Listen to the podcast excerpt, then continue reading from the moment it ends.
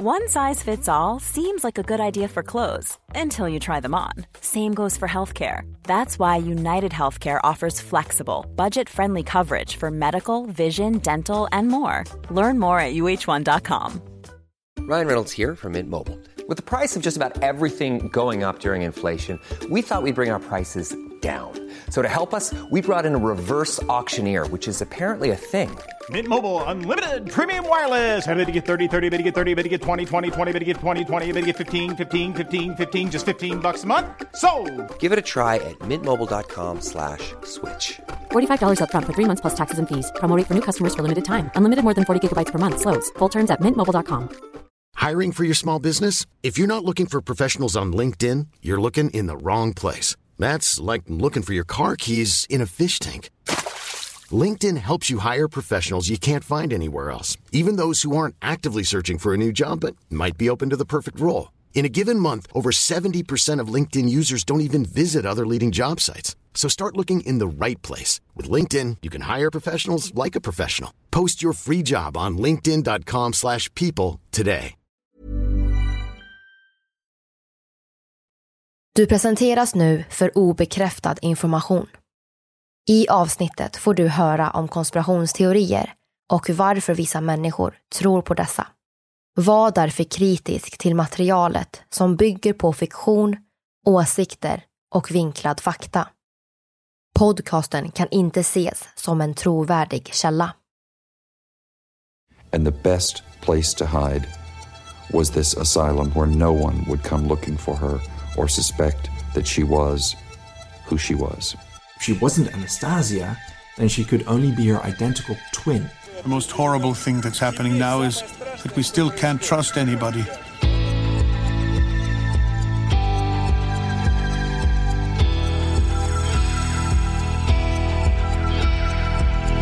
Det här är podden för dig som är intresserad av en annan version av verkligheten. En version som tar upp alternativa teorier, mystiska sammanträffanden och diskussioner om vad som kan vara sant. Mitt namn är Vivi. Och mitt namn är Aida. Och det här är konspirationsteorier.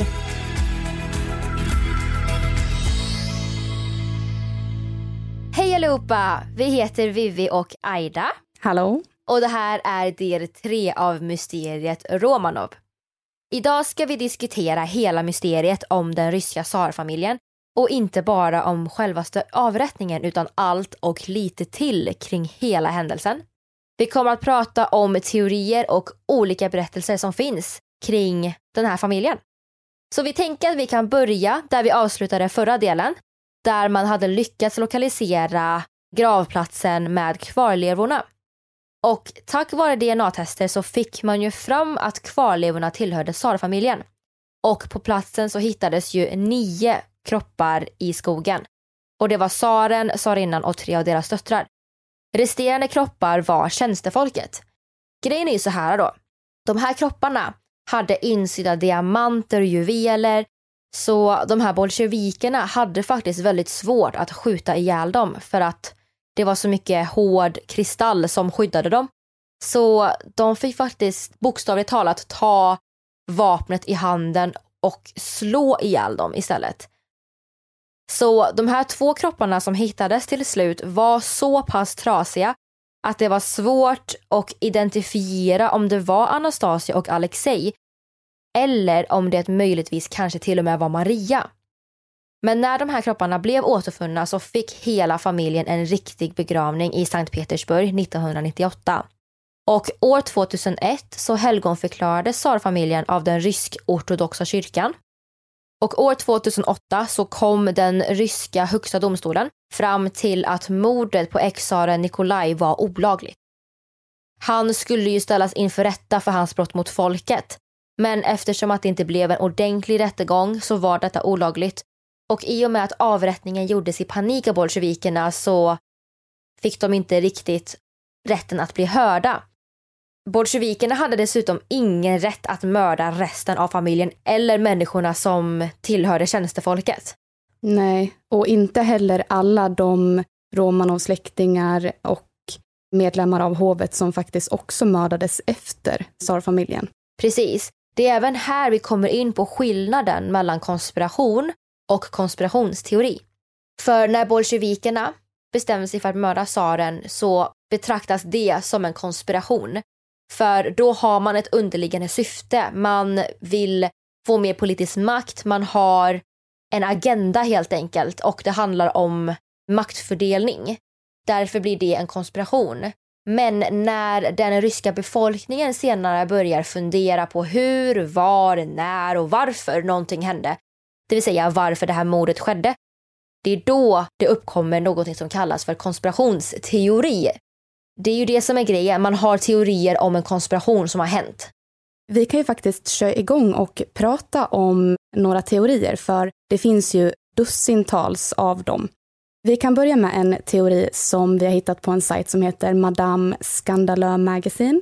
Vi kan länka sajten till er som är intresserade, för det finns så oerhört mycket intressant läsning där. Den här teorin handlar om att tsaren och tsarinnan egentligen fick fem döttrar, men de gav bort en. De flesta teorier när det gäller familjen Romanov härstammar från tolkningar av deras brev och dagböcker. För där så skrev de ner allt möjligt som hände i deras liv.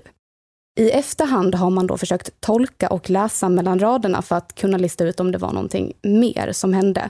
Och den här teorin härstammar faktiskt från ett brev från 1902 där tsarinnan Alexandra skrev att hon trodde att hon var gravid men ett halvår senare så skrev hon att det inte blev någonting av.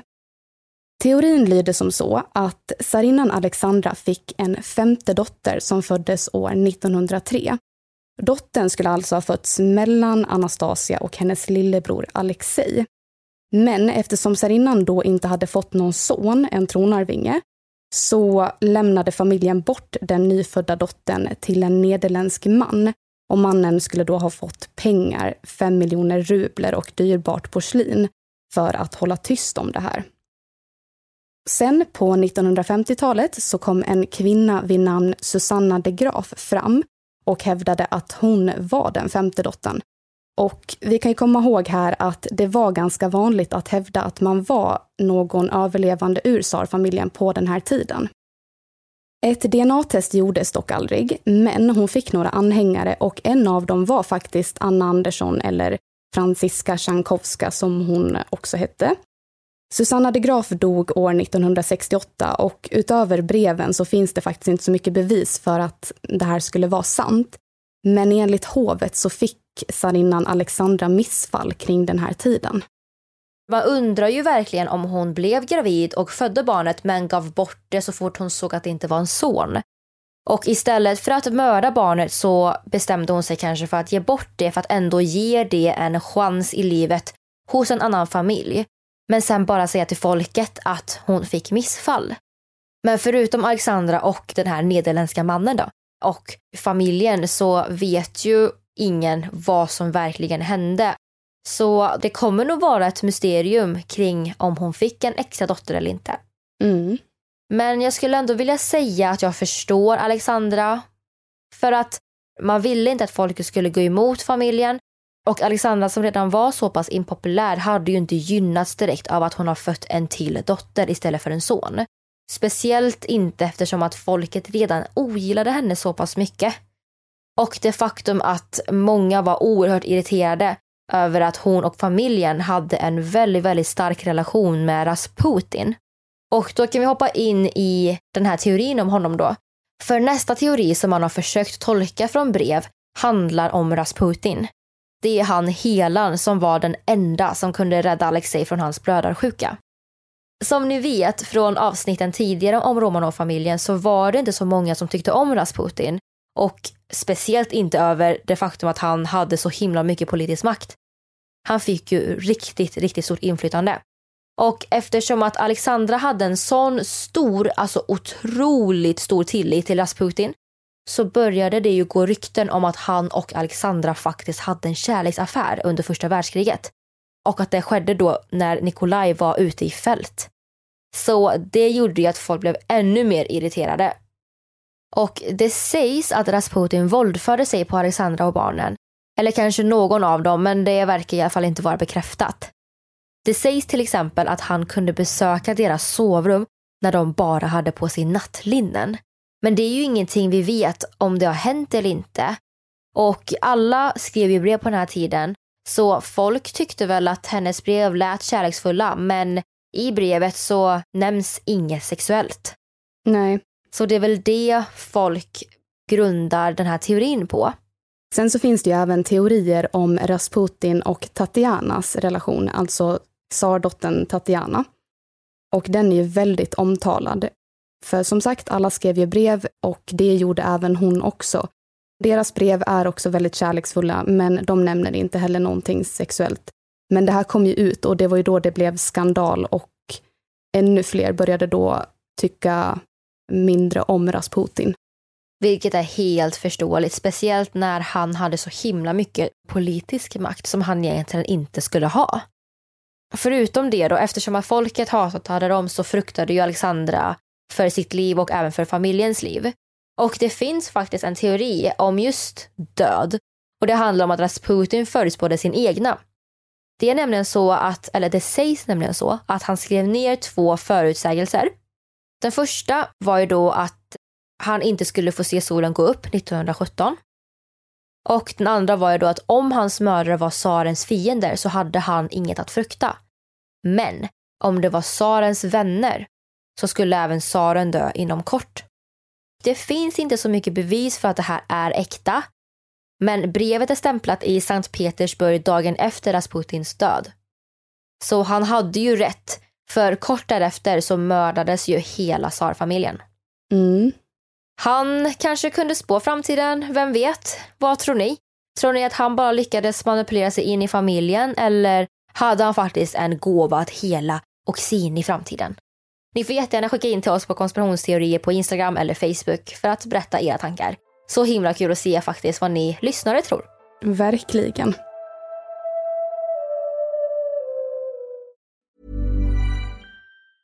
Everyone knows therapy is great for solving problems, but getting therapy has its own problems too, like finding the right therapist, fitting into their schedule, and of course, the cost. Well, BetterHelp can solve those problems. It's totally online and built around your schedule. It's surprisingly affordable too. Connect with a credentialed therapist by phone, video, or online chat, all from the comfort of your home. Visit betterhelp.com to learn more and save 10% on your first month. That's BetterHelp, H E L P. Burrow's Furniture is built for the way you live. From ensuring easy assembly and disassembly to honoring highly requested new colors for their award winning seating, they always have their customers in mind. Their modular seating is made out of durable materials to last and grow with you. And with Burrow, you always get fast, free shipping. Get up to 60% off during Burrow's Memorial Day sale at burrow.com slash ACAST. That's burrow.com slash ACAST. burrow.com slash ACAST. Hiring for your small business? If you're not looking for professionals on LinkedIn, you're looking in the wrong place. That's like looking for your car keys in a fish tank. LinkedIn helps you hire professionals you can't find anywhere else, even those who aren't actively searching for a new job but might be open to the perfect role. In a given month, over 70% of LinkedIn users don't even visit other leading job sites. So start looking in the right place. With LinkedIn, you can hire professionals like a professional. Post your free job on linkedin.com slash people today.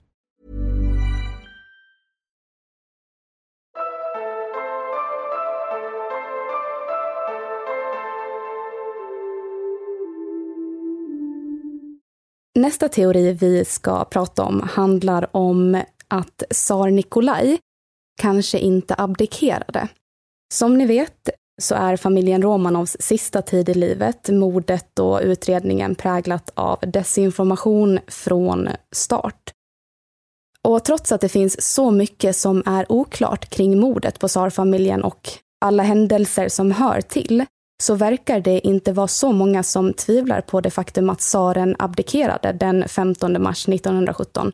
Eller den 2 mars då om vi utgår från den gamla kalendern som de använde då vid den här tiden. Och det finns faktiskt här en teori då om att hela händelsen är falsk. Och då var det så här då. När Nikolaj tvingades abdikera så ville han först lämna över tronen till sonen Alexei. Men läkarna berättade då för tsaren att Alexej förmodligen inte skulle leva så länge, speciellt inte utan föräldrarna. För det här skulle innebära att de separerades från sonen. Nikolaj låg då och grubblade i flera timmar på vem han skulle lämna över tronen till och bestämde sig till slut för att han och hans son skulle avstå tronen till förmån för Nikolajs yngre bror, storhertig Mikael Alexandrovich.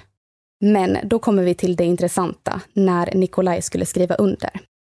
Enligt den här teorin så vägrade Nikolaj skriva under det manifest som Alexander Kerensky, som var ansvarig för Rysslands provisoriska regering, hade tagit fram.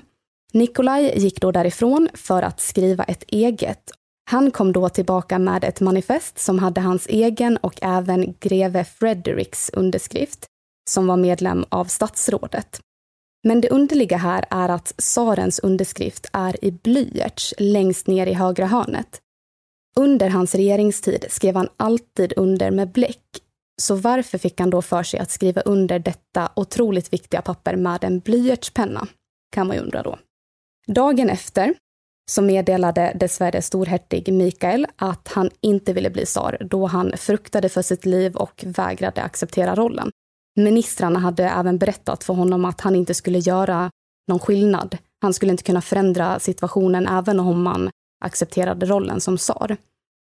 Och dagen efter det tog den provisoriska regeringen över makten i landet. Så den första frågan vi kan ställa oss här är väl egentligen, vem skrev manifestet? och skrev greve Fredericks under.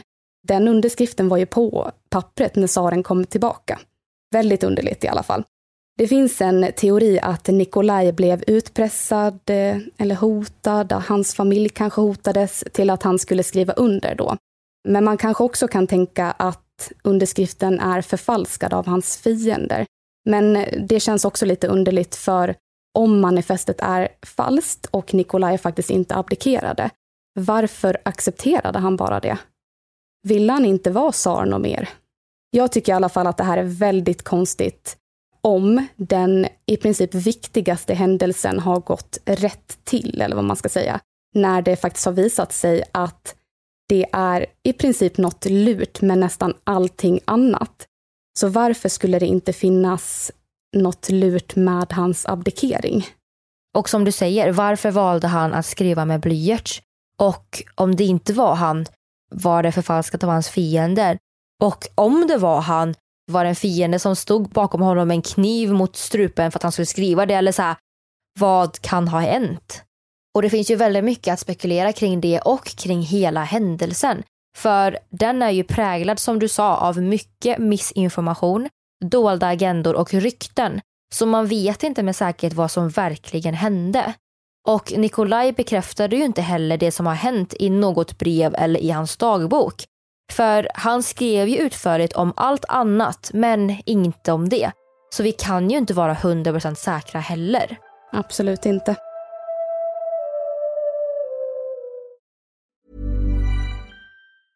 Even when we're on a budget we still deserve nice things. Quince is a place to scoop up stunning high-end goods for 50 to 80% less than similar brands. They have buttery soft cashmere sweaters starting at $50, luxurious Italian leather bags, and so much more. Plus, Quince only works with factories that use safe, ethical, and responsible manufacturing. Get the high-end goods you'll love without the high price tag with Quince. Go to quince.com/style for free shipping and 365-day returns. Even when we're on a budget, we still deserve nice things. Quince is a place to scoop up stunning high-end goods for 50 to 80% less than similar brands. They have buttery soft cashmere sweaters starting at $50, luxurious Italian leather bags, and so much more. Plus, Quince only works with factories that use safe, ethical, and responsible manufacturing. Get the high-end goods you'll love without the high price tag with Quince. Go to quince.com/style for free shipping and 365-day returns.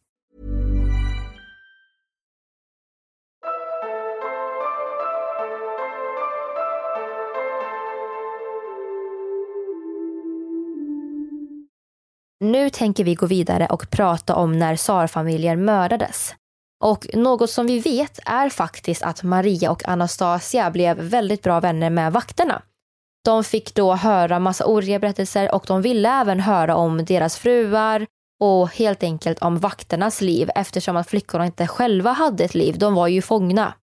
Maria och Anastasia var båda energiska, drömmande och de ville ju verkligen leva. Maria var en älskvärd karaktär och många tyckte om henne jättemycket. Medan Anastasia var då ett djävulsbarn så de tyckte ju vakterna kanske lite mindre om. Men hon var ju väldigt busig och på så. Och något som händer som kan vara anledningen till att familjen mördas och allt det här är faktiskt att vakterna tyckte om flickorna så pass mycket att en vakt sägs ha blivit förälskad i Maria. Och det finns en historia kring det som kanske ej är sann. Och det är att Maria fick en tårta när hon fyllde 19. En vakt hade alltså smugglat in en tårta och de blev påkomna så vakten fick ju såklart sluta. Det sägs då att den här flörten kan ha varit anledningen till att familjen mördades eftersom att bolsjevikerna oroade sig för att någon annan skulle hitta dem eller frita dem. För om en vakt blev förälskad i henne och smugglade in en tårta, vad skulle då inte någon annan kunna göra? Men man vet ju inte med säkerhet vad som egentligen har hänt eller om den här historien överhuvudtaget är sann.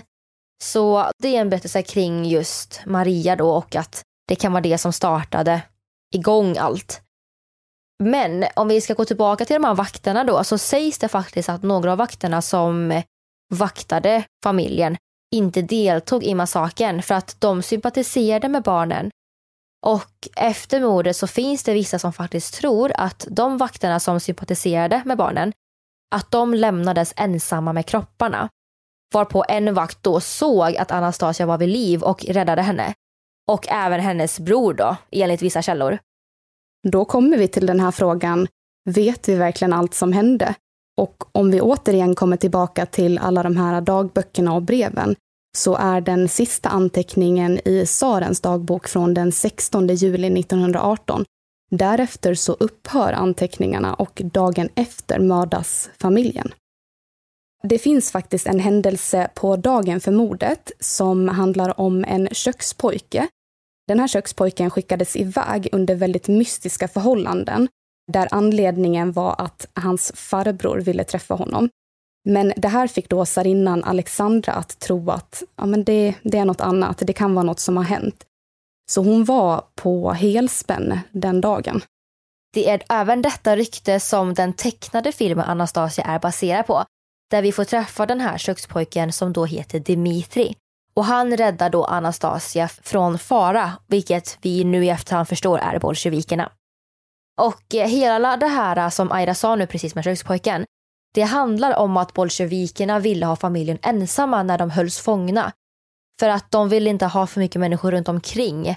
Och därför valde de att föra bort den här kökspojken då. Och det var ju något som de bara sa till tsarfamiljen. Men i själva verket så dödade faktiskt bolsjevikerna de människor som de förde bort från huset. Detta gör ju att Romanov-familjen blir fundersamma och undrar vad som kommer att hända. Varför förs alla bort? Exakt, alltså jag hade också varit fundersam. Och om vi går vidare till eh, själva mordet så finns det ju inget dokumenterat svar från Moskva den dagen. Det kan ju faktiskt vara så för att Lenin inte var involverad. Alltså det är han som är ledaren för bolsjevikerna då? Ja, precis. Eller så förstördes svaret och de var lika delaktiga som männen på plats. Men det finns ju en teori som säger att tsarens huvud skickades till Lenin i en låda efter mordet och att det var själva bekräftelsen på att mordet är utfört. Det finns dock inte så många källor till det här, utan det här är bara rykten. Och efter mordet så meddelades ju den ryska befolkningen att tsaren hade skjutits, men att tsarinnan och barnen hade evakuerats. Och det här satte ju igång eh, väldigt starka känslor hos befolkningen som såklart ville att deras monarki skulle vara säker. Oavsett om man inte tycker om den eller inte så blir det ju en sorg, men att veta att de har evakuerats känns ju bra. Och det finns en teori på det här spåret som är att Alexandra och barnen överlevde massmordet och transporterades med ett tåg från Jekaterinburg till Perm efter mordet. Då. Och enligt olika vittnesmål så ska det ha funnits ett tåg på tågstationen i Jekaterinburg med en första klassvagn där rutorna hade målats svarta eller täckts över och runt tåget stod då beväpnade vakter ur Röda armén. Det finns då flera personer som tycker sig ha sett kejsarinnan och barnen i perm flera månader efter att de skulle ha blivit avrättade. Vissa personer ska till och med ha besökt dem i en källare. Och om det nu skulle vara så så är det ju väldigt, väldigt imponerande att dessa personer faktiskt höll tyst om det och inte spred vidare vart de faktiskt var. Mm, men det kanske inte heller är sant i och med att, ja visst, några personer besökte dem i en källare, men sen då? Vad gjorde de sen? Stannade de kvar där hela tiden? För annars borde det kanske ha kommit ännu fler rapporter om det. För om vi tänker i Anna Anderssons fall så blev ju det väldigt, väldigt stort. Innan vi går in på Anna Andersson så vill jag även berätta om en kul anekdot om spöket i Alexanderpalatset. Det vill säga där familjen Romanov bodde. Det är nämligen så att en person som arbetade på Alexanderpalatset har berättat att det har märkts av en närvaro i det övergivna palatset och man kan ibland se en lång kvinna i medelåldern iklädd svarta kläder men som försvinner när han tittat närmare. Kan det vara tsarinnan Alexandra som fortfarande vandrar omkring i sitt förra hem kanske? Vad tror ni lyssnare? Spökar det i Alexanderpalatset tro? Ja, vem vet? I del två så berättade vi en version av hur Anastasia överlevde mordnatten enligt Anna Andersson. Men det finns många olika versioner av den här händelsen. I en version är Anastasia medvetslös när bolsjevikerna lastar kropparna på lastbilen. I en annan version så spelar Anastasia död och i en tredje version så minns hon ingenting förrän hon vaknar i en hydda. Och det här tänker jag att det kanske är ett tecken på att historien inte är sann. Jag tänker att en sann historia brukar väl oftast bara ha en version. Jag kan tycka att när en berättelse berättas om olika gånger så faller faktiskt trovärdigheten. Det känns ju lite som att man bara hittar på allt eftersom då. Och efter det här mordet så sa faktiskt flera europeiska kvinnor att de var den riktiga Anastasia. Så det var inte bara Anna Andersson. Dock var hon den som faktiskt fick allra flest anhängare och som även var mest lik Anastasia. Anna Andersson hävdade ju att hon var den riktiga Anastasia fram till hennes död 1984. Och det finns ju också väldigt mycket som stämmer överens mellan just Anna och Anastasia. Vi har ju dels utseendet, men även handstilen, att båda hade ärr på i princip samma ställen och att båda hade en snedställning på högertån men det här räckte ju dessvärre inte för domstolen som då tyckte att det varken gick att bekräfta eller dementera att Anna var Anastasia. Vi har ju ett DNA-test som säger att Anna inte är Anastasia. Men vi kan ju återigen gå tillbaka och ställa oss frågan, kan vi verkligen lita på det? Kan vi lita på att testet gjorts riktigt? Och kan vi lita på att någon inte mixtrat med det? Jag tycker ju egentligen inte det i och med att allting annat verkar det vara något fuffens med. Vi har ju dock familjemedlemmar och vänner som tyckte att det verkade konstigt att Anastasia skulle ha glömt sitt modersmål och även en annan person som tyckte att Anna var för kort för att vara Anastasia. Men vi kan ju även prata om det här med att Anna var inlagd på en psykiatrisk klinik. För hon hade faktiskt varit antagen på samma sjukhus tidigare men ändå så kändes hon inte igen av personalen. En annan intressant händelse är faktiskt också att Anna, eller Franziska, fick besök av sin riktiga bror på ett sjukhus 1927. Han kände faktiskt igen sin syster, men innan han lämnade avdelningen så ändrade han sig och sa att hon bara var lik hans syster. Mm, det är faktiskt väldigt misstänksamt. För varför skulle man plötsligt ändra sig efter att man har varit på besök hos sin syster? Nej, jag håller med. Alltså det är ju som att hon kan bara, nej men se att jag är Anastasia, jag är Anastasia. Vi kan få massa pengar då. Ja, för det var ju just det att det fanns, eller man trodde att det fanns en förmögenhet på Bank of England som väntade på den här överlevande tsardottern eller tronarvingen eller vem det nu kunde vara som eh, fanns vid liv. Och jag tror verkligen att många ville åt den. En annan detalj jag tycker är väldigt roligt att nämna är att Anastasia faktiskt betyder resurrection. Och det tycker jag är lite ironiskt. För resurrection innebär ju att återuppstå. Och det kan man väl säga att Anastasia har gjort på ett sätt, för hon har ju faktiskt återuppstått i form av film. 1956 så gjordes en film som heter Anastasia med skådespelaren Ingrid Bergman. Den här filmen gjordes då av 20th Century Fox och de vann flera priser och var även nominerade i flera olika kategorier och sådär. Sen så gjordes även en annan film om Anastasia. Det var då en tecknad barnfilm och den gjordes 1997 också av 20th Century Fox och det är den jag kommer bäst ihåg och det är mm. också den jag har sett. Det är ju en alternativ version av vad som kan ha hänt Anastasia och att hon faktiskt överlevde och blir återförenad med en släkting i Paris. Och att det finns pengar som väntar på henne. Sen om hon lyckas övertala den här släktingen eller inte, det återstår att se. Det får ni kolla på. Sen så finns det även en miniserie på Netflix som heter The Last SARS och den handlar också om familjen Romanov. Om ni lyssnare har teorier eller tankar kring vad som har hänt den ryska tsarfamiljen så får ni jättegärna skriva in och berätta vad ni tror. Och ni kan som vanligt nå oss via vår Instagram konspirationsteorier eller så skriver ni på vår Facebook där vi också heter konspirationsteorier. Ni kan ju såklart också gå med i konspirationsteorier eftersnack om ni är sugna på att diskutera lite teorier i podden med oss och varandra. Nästa vecka så kommer vi att titta uppåt och faktiskt försöka besvara frågan om vi är ensamma i universum eller om det faktiskt finns några aliens där ute.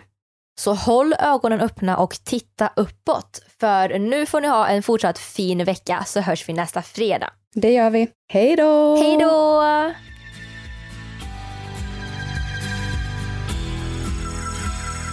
Du har lyssnat på sista delen av Mysteriet Romanov.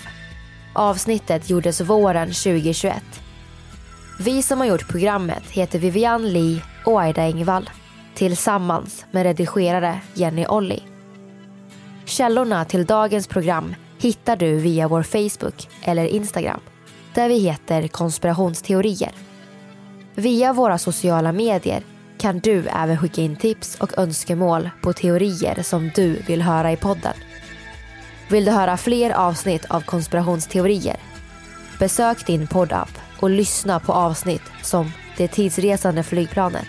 Many people argue that the plane went through a wormhole that broke the laws of time and space. Är jorden platt? Everybody here can agree on absolutely one thing, which is it is not a globe. Och mycket mer.